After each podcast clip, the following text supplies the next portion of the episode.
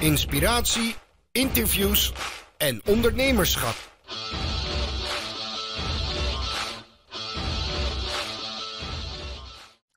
Hallo allemaal, daar zijn we weer. Leuk dat je kijkt of, uh, of luistert. Uh, als je denkt van, hé, hey, hij heeft dezelfde kleren aan als in het vorige interview. Ja, wend er maar aan, want ik heb vandaag vier opnames en één overhemd. Uh, nu, op dit moment is vanuit Rotterdam, denk ik, te gast Lars Maat. Welkom Lars. Dankjewel. Ja, leuk dat je mee wilde werken aan het interview. We gaan het over een aantal interessante zaken hebben strakjes. Vooral messenger marketing, een klein beetje SEA en ondernemerschap. Ja. Ik heb jou al een keer eerder geïnterviewd. Weet je nog wanneer dat was? Dat moet zijn geweest in uh, 2017, bij de, misschien zelfs 2018, bij de presentatie over de Search Awards van 2017. Ja, precies.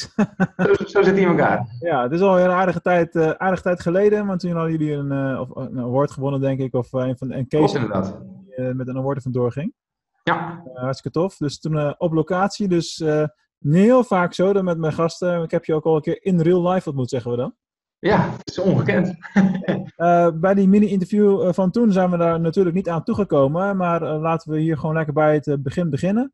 Lars, kun je in het kort even vertellen hoe, wie je bent en hoe jouw ondernemersreis er tot op nu uit heeft gezien? ja, zeker. Ik, ik ben inmiddels een jaar of tien werkzaam in online marketing. En voorheen was dat bij een online marketingbureau. En uh, nou ja, je omgeving weet dat je met online marketing bezig bent. En die vraagt, joh, zou je dit eens kunnen doen? Zou je dat eens kunnen doen?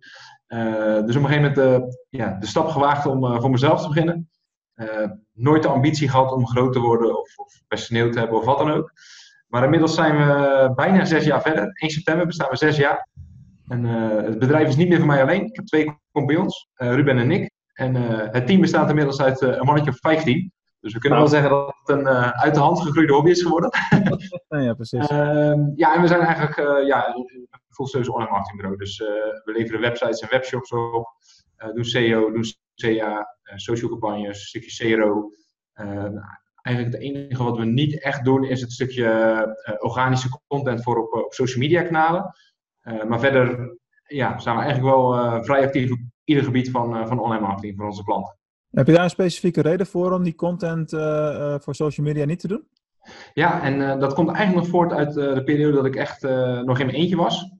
Toen deed ik dat namelijk wel. En ik merkte toen dat ja, ondernemers en directeuren die kijken toch vaak van oké, okay, wat, wat, betalen we aan een bureau en wat levert het op? Ja. En in de zin van advertentiebudgetten, we stoppen er 1 euro in en er komt 10 euro uit. Ja. Dat is heel erg tastbaar. Ja. En ik merkte bij de organische content dat het, het, was niet tastbaar. Hè? De, de, ondernemers hadden niet echt over, ja, maar wat is nu de toegevoegde waarde? En tegelijkertijd merk je gewoon, uh, ja, hoe je het ook bent verkeerd, als je als buitenstaander drie, vier keer per week een, uh, een, stukje content voor social media moet verzinnen voor je klanten, dat is heel moeizaam. En je zit niet in het bedrijf van je klant en tegelijkertijd, de klant heeft een bepaalde mening over de, de content die, die jij verzint, waar jij achter staat. En dat was heel erg moeizaam om die gesprekken de klanten te overtuigen dat dit een goed stukje content was. ja, precies. Toen dacht ik, ja, het kost me veel meer moeite dan dat het me oplevert. Uh, bovendien zijn we veel beter in het adverteren op, op social media. Laten we gewoon lekker een stukje content uh, laten zitten. Ja, ik denk dat daar uh, zeker heel veel voor, voor te zeggen valt. Hey, een van de dingen waar we het op LinkedIn een keertje over gehad hebben met elkaar is messenger marketing. Klopt. Dat is een, een hot topic. jij bent met jouw team daar ook mee begonnen, zeg maar. Um, waarom ben je daar zo uh, volop aan het inzetten op dit moment? Ja, ik vind het wel grappig dat jij nu zegt, uh, het is een hot topic. Uh, ik, ik, ik vind ook dat het een hot topic moet zijn, maar ik moet eerlijk bekennen dat ik nog eigenlijk veel te weinig ondernemers, maar ook marketeers om me heen hoor die hiermee bezig zijn. Ik weet niet hoe dat bij jullie in de regio ja, waarschijnlijk zijn het er twintig in Nederland en ze sta ik op alle lijsten, dus dan voelt het alsof iedereen het ja, ja dat, dat zou kunnen inderdaad. Nee, ja, het is op mijn pad gekomen en ik wil dus niet eens meer te zeggen hoe lang dat geleden is, maar uh, ik, ik, ik, las cases en ik las verhalen. En ik weet wel dat, dat ik bij de, dat was volgens mij het Facebook-congres, toen nog in, uh, in Utrecht, van uh, Peter, Peter Minkjan, die dat organiseerde toen de tijd. En daar was een, ik dacht een Noorse, een Noorse man aan het presenteren. Thomas Moon, ik weet niet of je die, die kent. Nee. Nou, die had in ieder geval zijn presentatie over Facebook en Facebook Messenger. En uh, die noemde toen ook van ja, stuur me maar een berichtje op, uh, op Messenger. En dan uh, krijgen jullie gewoon gelijk de slides toegestuurd. En toen pas begon bij mij het balletje te landen van hé, hey, ja. nou eens, dit zijn echt mogelijkheden. Het heeft alleen nog veel te lang op een uh, to-do-lijstje gestaan. Dat zal jij als ondernemer vast wel herkennen. Dat dat to lijstje maar ja, binnen het bedrijf heb ik nog wat, wat meer vrij kunnen spelen. om juist met dit soort dingen aan de gang te gaan. En ja, zodoende ben ik nu denk ik wel drie kwart jaar, een jaar wel echt bezig met, met messenger marketing. Ja. Ja, en voor de ongetwijfeld toch nog veel luisteraars die niet weten wat dat is. Wat, wat doet het allemaal, messenger marketing? Nou, ik denk dat iedereen in principe wel uh, Facebook kent. Uh, en het principe uh, dat je via Facebook privéberichten naar mensen kunt sturen. Nou, dat, dat is dus het Messenger gedeelte. En nu kan je als bedrijf via Messenger met ja, klanten of potentiële klanten communiceren. En ja, het voelt een beetje alsof je een, een WhatsApp gesprek hebt met, ja, met een persoon. Het is heel laagdrempelig. heel erg snel, snelle reactie. Ja, en het is eigenlijk wel echt geschikt om voor een stukje klantservice, maar ook zeker voor, uh, voor lead generatie. Uh, ik, geloof, maar dat is data uit uh, voor mij eind vorig jaar, dat er op jaarlijks of op maandelijks niveau rond de 2 biljoen berichten worden uitgewisseld via Messenger tussen klanten en bedrijven. Dus ja, het is best wel, best wel fors. Ja, en nu noemen we het nog messenger marketing, maar misschien moeten we het straks wel aanpassen naar chat marketing of zo. Want ik kan me niet voorstellen dat het alleen bij Facebook blijft. Nou ja, je ziet natuurlijk al best wel veel websites hè, waar, uh, waar een chatbot op de website staat. Ja. Uh, ja, daar is natuurlijk ook superveel informatie over te vinden. Er is ook veel over te doen. Uh, met messenger marketing is het wel echt via het kanaal Messenger van Facebook. via plugins kan je dat ook op je website plaatsen. Dus in die zin zou je kunnen gebruiken als een, als een chat. Maar systemen zoals Watermelon, ja, dat omvat veel meer kanalen. En Messenger is in principe wel echt via het, het Messenger-kanaal. Dan moet ik wel zeggen, ergens in 2020 wordt Messenger, WhatsApp en uh, Instagram gecombineerd tot, tot één geheel. Ja, dat leek me ook al, maar ja, dat is ook allemaal van Facebook per saldo natuurlijk. Ja, ja daarom. Dus ik, kijk, het zou in Nederland wel gunstig zijn in die zin dat uh, WhatsApp is groter dan Messenger in Nederland. Ja. Uh, dus ja, in die zin zullen daar vast weer wat, wat nieuwe mogelijkheden bij gekomen. Ja, daar, daar, heb ik ook wel verwachtingen van. Want WhatsApp marketing, ja, dat moet haast wel gaan komen. Want ooit moeten ze er geld mee gaan verdienen natuurlijk. Ja, nou, ik heb pas met een, eh, een partij gesproken. Wij hebben een aantal uh, messengerbot campagnes opgezet voor onze klanten. Uh, toevallig een paar uh, klanten waar we een stukje recruitment moesten doen. Ja, dat, dat loopt echt als een tierenlier. Mm. En toen raakte ik eigenlijk in gesprek met een partij die fulltime bezig is met recruitment marketing. En die hadden toegang tot de business API van WhatsApp. En die konden we dus echt op chatbot via WhatsApp lanceren. ja, het zag er heel erg gelikt uit. Maar Facebook doet alles nog wel reguleren op dit moment. Om te, te zorgen dat er niet te veel mensen ja, het gevoel gaan krijgen dat WhatsApp wordt uh, gespamd straks met dit soort dingen. Nee, precies. Want uh, het is natuurlijk uh, veel meer, het maakt veel meer inbreuk voor je gevoel op je privé moment dan dat ja. een e-mail bijvoorbeeld doet. hoe zit het ja. over met die, met die regelgeving op dit moment? Want ja, op dit moment de uitzender zal ongeveer eind september zijn, dus dan is de nieuwe regelgeving alweer van kracht. Maar dat blijft in beweging begin augustus is er uh, wel het een en ander uh, veranderd. Kun je daar iets over vertellen? Ja, het is, uh, ik vind het overigens goed uit aangeeft inderdaad. Want ik ben met je eens dat ja, op het moment dat je als consument via WhatsApp en via Facebook Messenger overspoeld kan worden met dit soort boodschappen, dan, dan voelt dat inderdaad wel eens een beetje als inbreuk. Ja. op dit moment is het zo dat je als bedrijf mag je via Messenger bots mensen gaan berichten sturen. Op het moment dat die mensen gesubscribed zijn aan jouw Messenger. En uh, er zijn verschillende manieren hoe mensen uh, zichzelf kunnen abonneren, om het zo maar even te zeggen. Maar een voorbeeld is bijvoorbeeld dat mensen uh, klikken op een advertentie. Mm. in plaats van dat ze naar een website gaan, opent er een messengerbericht.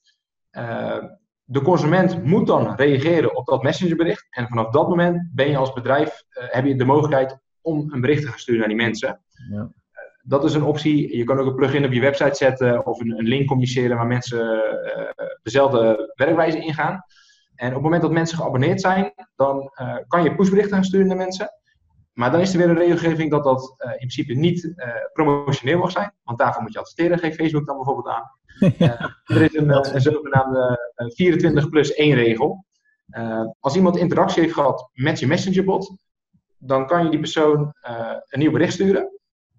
Alleen als iemand geen interactie heeft gehad, dan kan je na 24 uur nog één reminder sturen. Maar als ze daar ook niet op reageren, dan mag je in principe niet meer via de, uh, de API van uh, Messengerbot, zeg maar, uh, berichten sturen. Dus ja. er zit daar wel een regelgeving aan vast. Hoe verandert dit het speelveld? Want als je dit, dit zo hoort ten opzichte van het, zeg maar, het afgelopen jaar, waarbij eigenlijk vrij spel was. Je kon alles doen. Openingsratio's waren booming. Uh, dat, dat zwakt al een beetje in, wat ik zo gezien heb. Die 99% dat is uh, al. we gaan al naar de 80, nu wat ik zo zie.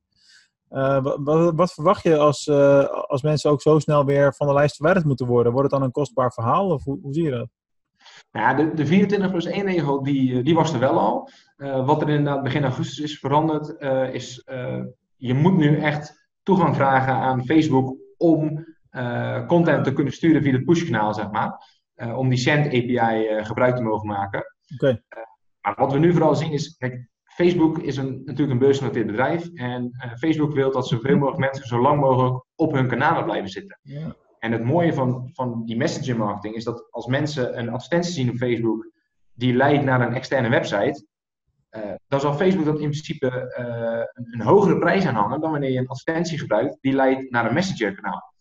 Eh, want je blijft binnen het, het netwerk van Facebook. Dus we zien gewoon dat ja, de klikkosten van advertenties waarbij je gebruik maakt van een messengerbot over het algemeen lager liggen dan de klikkosten van een advertentie die naar je website uh, gaat. Ja. Uh, ik ben wel met je eens, ja, er zal ongetwijfeld een moment komen waar iedereen messengerbots heeft ontdekt. Uh, dat heel veel bedrijven doen, dat de consument het niet meer interessant vindt. En ja, dan zal er vast weer het een en ander gaan veranderen. Maar, dat, is, dat is in onze markt continu zo natuurlijk. Ja, klopt. En op dit moment uh, is het vooral de, de, nieuwigheid die ervoor zorgt dat die operatio's en die klikratio's zeker zo hoog blijven. Ja. Ja.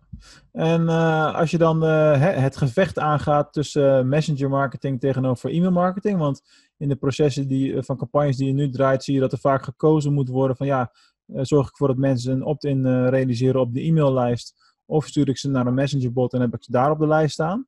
En goed, ik ben zelf tot nu toe nog wel wat meer van, uh, van de e-maillijst qua hè, waar dan uiteindelijk ook het geld verdiend wordt, zeg maar. Dat neem ik je niet kwalijk hoor. Ja, de, de maar er is ook nog iets als de gouden middenweg. Hè? Dus zorg voor een opt-in op een e-maillijst met een bedanktpagina die ervoor zorgt dat je via de messengerbot nog een leuke extra bonus krijgt bijvoorbeeld. Dat werkt ook goed.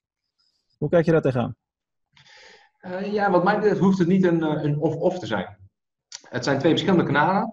Uh, kijk, het, het, grootste verschil zit er vooral in uh, het gevoel dat de consument heeft. Ehm, stel dat je praat over e-mailmarketing. Het, het, is niet te doen om op één dag bijvoorbeeld zes of zeven mailtjes te sturen naar een persoon die zich zojuist heeft geabonneerd op je mailinglijst. Mm. Waardoor bij messenger marketing eigenlijk wel gewoon is. Want het voelt als een natuurlijk gesprek wat je, wat je hebt, in dit geval dan met een bot. Maar mensen abonneren zich op de, het messengerkanaal en ze krijgen een vraag, ze reageren erop en er ontstaat een gesprek. Ja. Dus ja, het is, het is heel anders, het is veel laagdrempeliger. Uh, maar ik weet niet, ja, ik gok dat jij ook Larry Kim uh, kent. Nee. Oké, okay, nou Larry Kim is de, de, de oprichter van, uh, van Wordstream, misschien dat je dat bedrijf wel kent. en die is nu volledig aan, aan messenger marketing gegaan. Hij heeft Mobile Monkey opgericht. Ah, ja. een van de, de grotere platformen omtrent messengerbots. Juist. Um, ja, ik, ik, volg hem uiteraard, maar iedere keer als hij een blog post, dan krijg ik en een notificatie op Messenger, maar ik krijg ook gewoon het e-mailtje binnen. En dan kan ik zelf gaan kijken van oké, via welk kanaal heb ik nu zin om te consumeren, zeg maar. Dus in die zin denk ik dat het gewoon, het kan beide prima naast elkaar lopen. Maar ik zou wel voor beide kanalen eigenlijk een eigen strategie dan uh, adviseren. Ja, definitief. Ik bedoel, uh, de, de lengte van e-mails die ik verstuur, die zouden absoluut niet geschikt zijn voor Messenger uh, nee, klopt. processen, zeg maar. Dus dat is ja. een totaal andere tak van, van sport. Ja. Ja, ja, en bij Messenger, hè, met die 24 plus 1 regel in je achterhoofd, is het dus belangrijk om af en toe interactie te hebben met mensen die je lijst staan. Want als je die interactie hebt, dan kan je dus weer vervolgberichten sturen. Hè, dus daar moet je ook rekening mee houden op het moment dat je bijvoorbeeld een blogpost gaat promoten. Ja, inderdaad.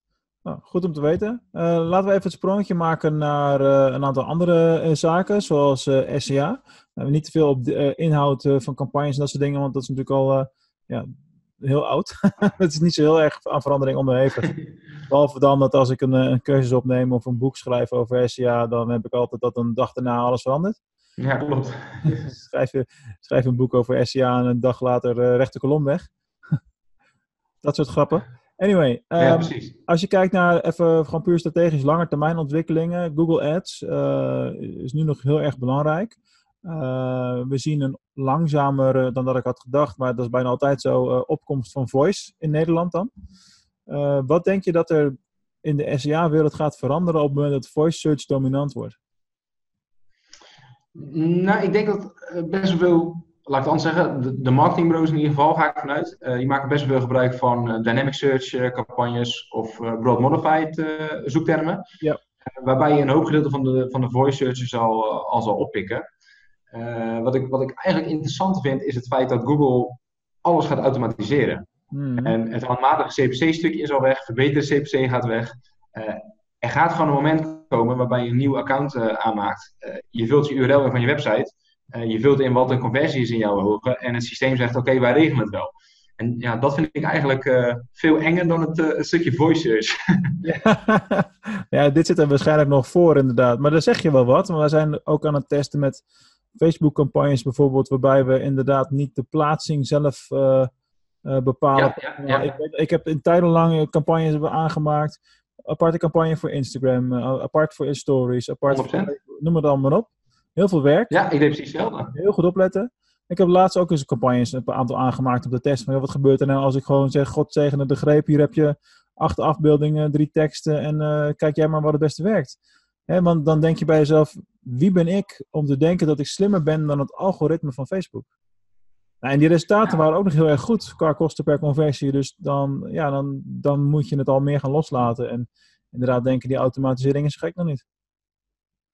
Nee, klopt. We moeten ook wel een kleine kanttekening daarbij plaatsen. Ehm, wij proberen ook zoveel mogelijk te automatiseren. Eén uh, onderdeel daarvan, als we het dan toch over SEA hebben, is het stukje je biedstrategie. Uh, wij hebben in principe gewoon dedicated contactzonen vanuit, uh, vanuit Dublin. En die geven dan ook aan van jongens, ja, die automatisering, biedstrategie is gewoon beter. Alleen, ja, wij, wij zijn dan misschien wat eigenwijs. Wij nemen dat niet zomaar aan van Google. Uh, wij willen dat testen. dus we hebben eigenlijk voor alle klanten zetten wij experimenten op, waarbij we in dit geval dan bijvoorbeeld verbeterde CPC naast een automatische biedstrategie gaan zetten. En dan gewoon echt gaan kijken van oké, werkt het daadwerkelijk beter?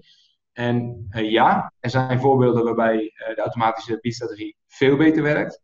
en dan ga je uiteraard ook over. Ja. Maar eigenlijk ook best wel op dit moment dan best wel wat klanten waarbij de verbeterde CPC-strategie gewoon betere resultaten oplevert dan een automatische biedstrategie. Ja, en dan vind ik het hartstikke leuk dat Google tegen, tegen ons zegt van jongens, ja, je moet echt op de automatische biedstrategie. Maar ik kan niet aan mijn klanten verkopen Nee. van joh, uh, je bent minder uren mij kwijt. Wandel een automatische biedstrategie, maar je resultaten zijn wel minder. nee, inderdaad. Nee, ik denk dat je het precies op de juiste manier benadert. Hè? Dus uh, we gaan wel steeds meer automatiseren. Alleen het tempo waarin dat gebeurt en, uh, is, is, is niet zo snel als dat wat die systemen misschien van je willen. En het is heel goed om kritisch te blijven op van oké, okay, wat gebeurt er nu echt? En A, B test het maar. Laat maar zien wat beter werkt. En dan inderdaad, het kan echt per geval verschillen. Ik bedoel, we hebben ook campagnes die op verbeterde CPC draaien en het veel beter doen dan een doel CPA bijvoorbeeld. En andersom. En je kan niet altijd verklaren waarom het ene beter werkt als het, uh, als het andere. Daarom is testen nee, klopt. enorm belangrijk. Ja, dan moet ik wel. Kijk, sommige dingen uh, zijn gewoon niet uh, handig om handmatig te doen. Kijk, als je echt een hele groot account hebt met heel veel zoekwoorden en verschillende plaatsen die daar gekoppeld zijn, ja, dan is het veel interessanter om gewoon zoveel mogelijk te automatiseren met feeds en biedingen en dergelijke. Uh, maar anders zou ik zeker zeggen, op dit moment test het nog. Ja, zeker. Top. Hey, um, we hadden het in het voorgesprek al even kort over je, je, je, team en, en ik ook, dat ik het onderwijs inga en zo. Uh, daaraan, op het moment dat je aan het uitbreiden bent nu, is het dan heel moeilijk om goed geschoold personeel te vinden? ik denk als je deze vraag aan uh, tien verschillende marketingbureaus uh, stelt, dat ze allemaal aangeven dat het heel moeilijk is om personeel te vinden. ja, dat was ook een beetje een inkoppertje natuurlijk. ja, nee, het is, het is heel lastig. En wij zijn in ieder geval nog niet dusdanig groot dat we ja, zelf de ruimte hebben en de mogelijkheden hebben om iemand echt van scratch af aan op te leiden. En kijk, de, de, grotere jongens die hebben gewoon echt een eigen academy.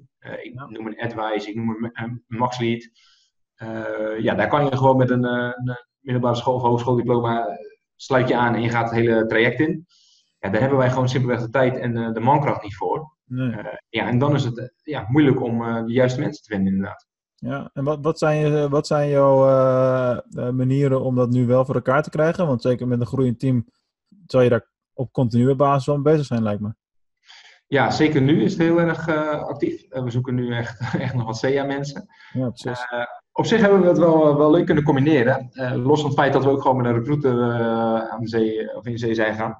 Uh, hebben we een, een eigen messengerbot gebouwd. Daar is we hebben een messengerbot gebouwd en een Facebook-campagne opgezet. Waarbij we gingen adverteren op mensen die in online marketing actief waren.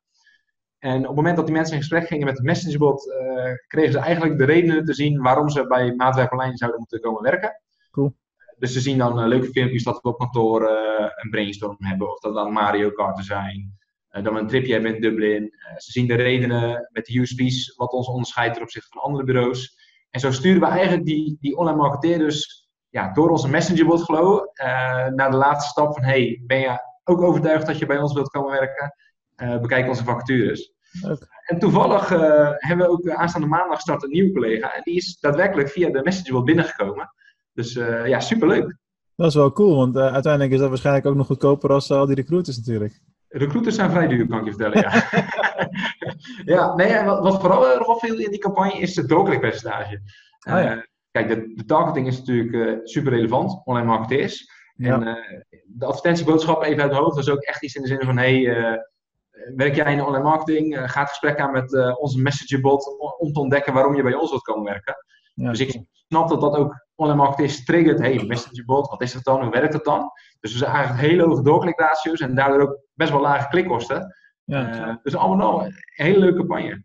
Leuk man, heel goed om te horen. Hey, uh, jullie zijn uh, op allerlei manieren flink aan de weg aan het timmeren, ook qua branding en imago. Want jullie zijn volgens mij wel een bureau wat heel bewust ook cases bouwt om in te sturen om awards te winnen. Ja. in dat kader, hoe win je in godsnaam zes .com awards? dat is Uh, nee, ja, wij klopt. Wij zijn er inderdaad uh, actief mee bezig. Uh, mede ook door de, de Awards uit 2017. de spin-off die ja, al van de nominatie daaruit is gekomen is echt enorm. Super veel aandacht in de lokale media, maar ook in, in lead-aanvragen. Ja, precies. ja, en je merkt ook gewoon binnen het team, het leeft. Weet je? je wilt toch een stukje beloning hebben voor het werk wat je doet. ja, dus we zijn er wel actief mee bezig inderdaad. Ja, ja. Gaaf. Dat is ook op te zien dat je dan inderdaad die waardering krijgt voor hetgene wat je aan het, uh, aan het bouwen bent. Ja, ja, ook dat. En het is ook naar, kijk, naar klanten toe. Hè? Ik bedoel, uh, het is logisch dat wij tegen de klant vertellen van het, het gaat goed, het zijn goede cijfers. Uh, maar het is goed als een externe partij dat nog een keer kan beamen, zeg maar. Ja, ja, je kunt het beter van een ander horen inderdaad. Ja. Klopt. Hey, van al die cases die voorbij zijn gekomen inmiddels, als je zeg maar echt mes op de keel zou moeten kiezen, wat is je favoriete case? Oeh, die vraag had ik niet voorbereid. Um, ja, lastig. Persoonlijk uh, ben ik uh, geneigd te zeggen de, de Dutch Award van 2017. Uh, omdat dat toch wel een, een vrij hoog niveau was op dat moment daar. En de, de klant heeft er ook echt wat aan gehad, wat we daar hebben gedaan. Ehm, ja, en ook op zich wel de, de CEO Award die we hebben gewonnen voor Lean Sigma Company. In dit geval Lean Sigma Company is een klant waar we al echt ja, sinds de eerste paar maanden voor werken. We zijn inmiddels actief in meer dan 17 landen met echt een miljoenen omzet. En daar hebben we echt een heel groot steentje aan bijgedragen. En, en, die cijfers die we voor de, de UK dan in dit geval hebben behaald op, op SEO-gebied, ja, die zijn uh, echt ongekend. Uh, ik heb er zelf niks mee te maken. Ik vind SEO verschrikkelijk saai. Uh, maar mijn collega's hebben dat mooi, mooi op de rit gezet. En dat is wel echt mooi om te zien. Ja, nou, fijn inderdaad. Dat, ge dat geeft natuurlijk ook een, vo een voldoening. we hoeven niet per se altijd zelf van de knop te draaien, lijkt me. Ja, klopt. Vroeger deed ik het SEO-gedeelte echt uitbesteden. En uh, inmiddels, uh, nou ja, ik ben dan uh, gefuseerd met wat andere partijen. En nu doen we het dus ook gewoon zelf.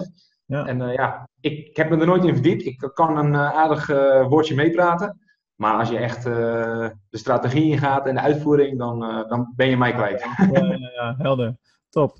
Hey, mooi verhaal. Uh, echt veel, uh, hier kunnen we veel van, uh, van leren. Zeker ook de vakgenoten die, die luisteren. Ik hoop het. de laatste paar vragen toe inmiddels. Ehm, wat is voor jou persoonlijk je meest favoriete online marketingkanaal? Dat verschilt eigenlijk. Ik, ik kom van origine echt uit de SEA-business. Ehm, daarna ben ik wat meer de social advertising kant op gegaan. Ja, en nu, ik zei het al even in ons voorgesprek, ik, ik ben nu een jaar of tien werkzaam in online marketing. En ja, met alle respect, sommige dingen die ken ik nu wel. Heb ik zo vaak gedaan, dat, daar krijg ik niet meer de energie van. Uh, maar als er dan zo'n nieuw kanaal uh, voorbij komt, zoals Messenger uh, marketing, ja, daar krijg ik echt energie van. Om daar dan weer in te duiken, alles eruit te pluizen en eruit te halen. Ja, en als u me deze vraag over drie jaar stelt, dan zijn er vast weer andere kanalen waar ik dan weer, weer in zit. Maar het, het, mooiste van online vind ik wel echt nog steeds het, het, kunnen doormeten. Gewoon iedere euro die je uitgeeft, kan je bijna verantwoorden en aangeven wat ermee is gebeurd. En ja, dat vind ik wel echt heel mooi. Dat, dat is wel een, eh, een hele belangrijke inderdaad, het, het doormeten. Heb, maak je daar nog onderscheid in um, wat, je, wat je doormeet voor welk kanaal bijvoorbeeld? Want nou, even een makkelijk voorbeeldje. SEA, dat is vandaag uitgeven en bij een webwinkel bijvoorbeeld ook vandaag gelijk doormeten wat het omzetsucces is. Maar bijvoorbeeld een SEO-strategie voor een dienstverlener is een compleet andere koek natuurlijk. Ja, klopt. En ook binnen SEA zijn daar nog mogelijkheden in hoor. Wij doen nu bijvoorbeeld, een paar weken geleden zijn de conversieactiesets uh, uitgerold door Google. Mm -hmm. En wij doen nu bijvoorbeeld displaycampagnes. maken we gewoon aparte conversies aan op basis van time on site of pagina's per sessie. Uh, zodat we gewoon een displaycampagne daarop kunnen uh, sturen via smart bidding. In plaats van echt een, een aankoop in een webshop. Uh, of het genereren van een lead. dus in die zin kan je. Wij werken bijvoorbeeld via het C-Think Do model. Ik weet niet of je daar bekend mee bent. Nee. Van, van Google. Waarbij je eigenlijk zegt: oké, okay, je hebt mensen die zitten echt nog in de beginfase. De C-fase. Je hebt mensen die ergens over nadenken zijn. Dus de think-fase. En je hebt mensen die echt al koopbereid zijn. Die gewoon weten, ik wil iets ja, kopen. Ja, dit, is, dit is gewoon een variant van het aloude uh, marketingfase model natuurlijk. Er zijn er honderd ja. varianten van, snap je het? Ja, klopt. En op, op, die manier proberen we nu dus gewoon ook uh, de campagnes in te richten. Dus een displaycampagne, dat zit echt in de see en in de think-fase in principe. Uh, dus daar moet je ook echt andere KPI's aan hangen dan een, een, een shoppingcampagne bijvoorbeeld. Zeker.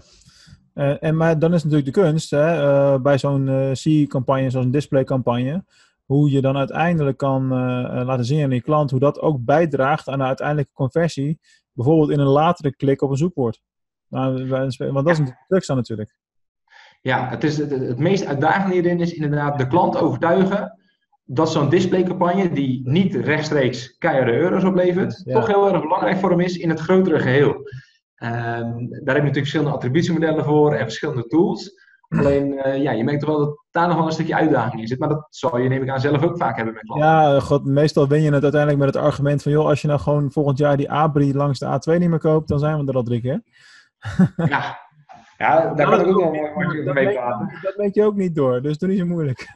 ja. dat is een goed argument eigenlijk. Nee, pas moesten wij ook een voorstel ergens maken. En uh, er was geen budget voor displaycampagnes. Uh, maar tegelijkertijd werd er geloof ik... 50.000 euro uitgegeven aan fietsen die door de stad gingen rijden, abris en uh, borden langs de snelweg. Ja, ja dan, ja, dan, dan, dan weet je wel genoeg. ja, waar gaat het mis? Maar nou moeten we wel, wij zijn natuurlijk redelijk bevooroordeeld hè, met onze online uh, bril. Dat is één ding wat zeker is. Ja, dat offline niet meer werkt. Nee, dat is, uh, ja, klopt. dat is waar. Maar goed, toon het maar eens aan. Leuk. Ja. Hey, uh, laatste vraag. de vraag die iedere gast van mij krijgt op het eind. Alleen jij de vorige keer niet, omdat het een andere context had. Uh, Lars, wat zou jij doen met duizend pingpongballen? Met duizend pingpongballen? Um, ik denk dat ik uh, sowieso een paar bewaar om mijn collega's te verslaan met uh, de tafeltenniscompetitie op kantoor. Heel goed. en als ik nu een antwoord zou moeten geven, dan denk ik dat ik die zou bedrukken met het logo en ze gewoon in de stad ergens zou rondslingeren. Oftewel offline reclame. Kijk, de cirkel is rond. Hartstikke goed. Lars, eh, super inspirerend. Dankjewel voor alle inzichten die je vandaag aan ons hebt eh, gegeven. Eh, iedereen bedankt voor het kijken of luisteren en tot de volgende keer.